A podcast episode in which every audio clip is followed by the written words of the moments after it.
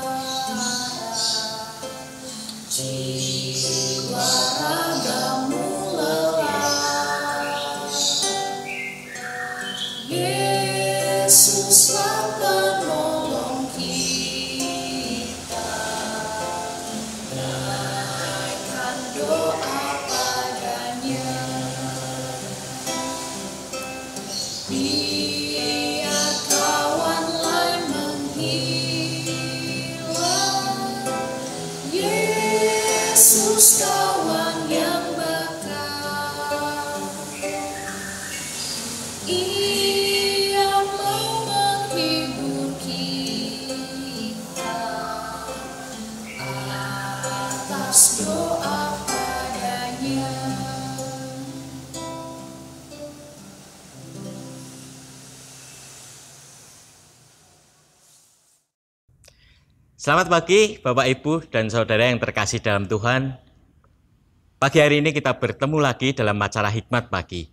Sebelum kita memulai aktivitas kita pada pagi hari ini, mari kita bersama-sama belajar untuk merenungkan dan memahami akan firman Tuhan pada pagi hari ini. Tema Hikmat Pagi pada hari ini adalah sahabat-sahabat Kristus yang nanti akan dibawakan oleh Saudari Kesia. Tapi sebelumnya, mari bersama-sama kita datang dalam doa. Kami bersyukur Bapa pada pagi hari ini. Engkau bangunkan kami pada pagi hari ini dengan kekuatan yang baru, dengan berkat-Mu yang baru. Kami bersyukur karena Engkau menjaga kami dalam tidur kami. Pagi hari ini dengan kekuatan yang baru, Engkau memberikan kekuatan buat kami semua.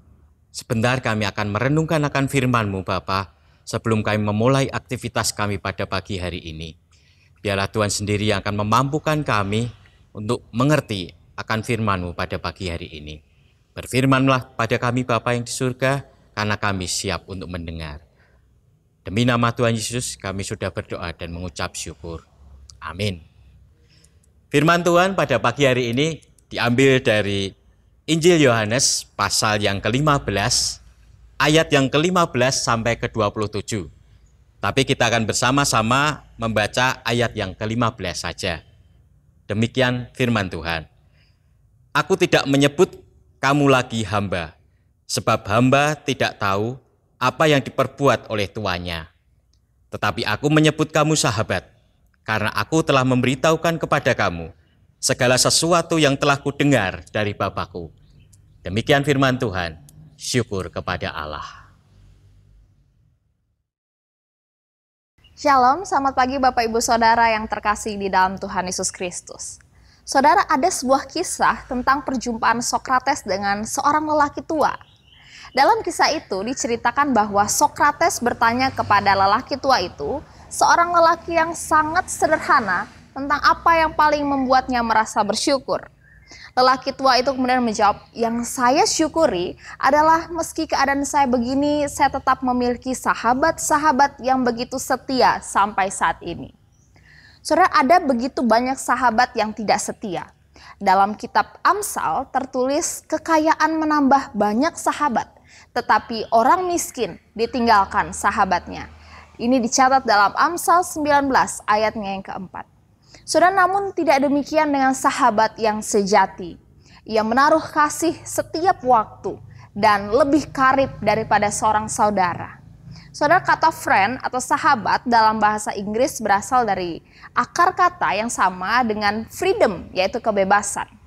Saudara, sahabat sejati memberi kebebasan kepada kita untuk menjadi diri kita sendiri. Kita bebas mengungkapkan kebimbangan, gangguan dan ancaman di dalam kehidupan kita.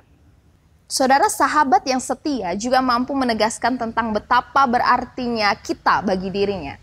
Ratu Victoria pernah berbicara tentang William Gladstone. Saat bersama dengannya, saya merasa berada di dekat seorang pemimpin yang paling berpengaruh di dunia. Namun tentang Benjamin Disraeli, ia berkata, ia membuat saya merasa saya adalah pemimpin yang paling berpengaruh di dunia. Seorang Kristen mempunyai ikatan yang tak tampak. Dan dalam hal ini ialah persahabatan dan menjadi sahabat. Karena kita adalah bagian dari satu keluarga. Kita adalah sahabat-sahabat Kristus. Sebagai sesama sahabat Kristus, maka kita memiliki tugas untuk saling menguatkan, mengingatkan apakah kita sudah melakukan yang dikendaki sahabat agung kita, yaitu Kristus. Ataukah justru kita berlaku sebagai hamba yang berpikir, bertindak, dan berucap sesuka hati. Mari, sebagai sesama sahabat Kristus, kita saling mengingatkan, kita saling membangun, saling mendukung untuk berusaha melakukan apa yang Kristus inginkan untuk kita lakukan. Mari kita buktikan bahwa kita ini adalah sahabat-sahabat Kristus. Amin. Mari kita berdoa. Bapak yang baik, terima kasih Tuhan untuk kebenaran firman yang pada pagi hari ini boleh kami dengar.